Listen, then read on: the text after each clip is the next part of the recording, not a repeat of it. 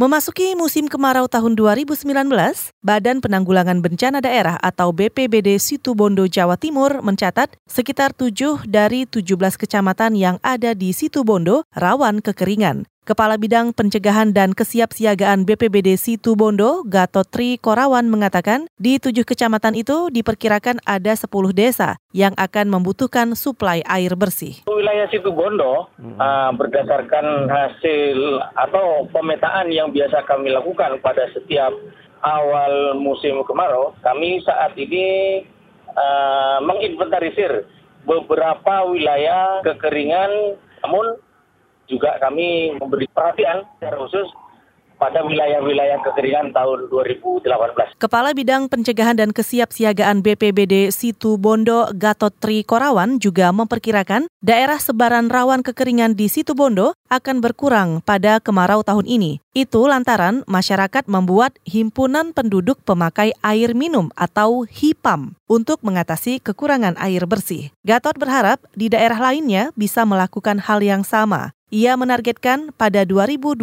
mendatang Kabupaten Situbondo bebas dari kekeringan.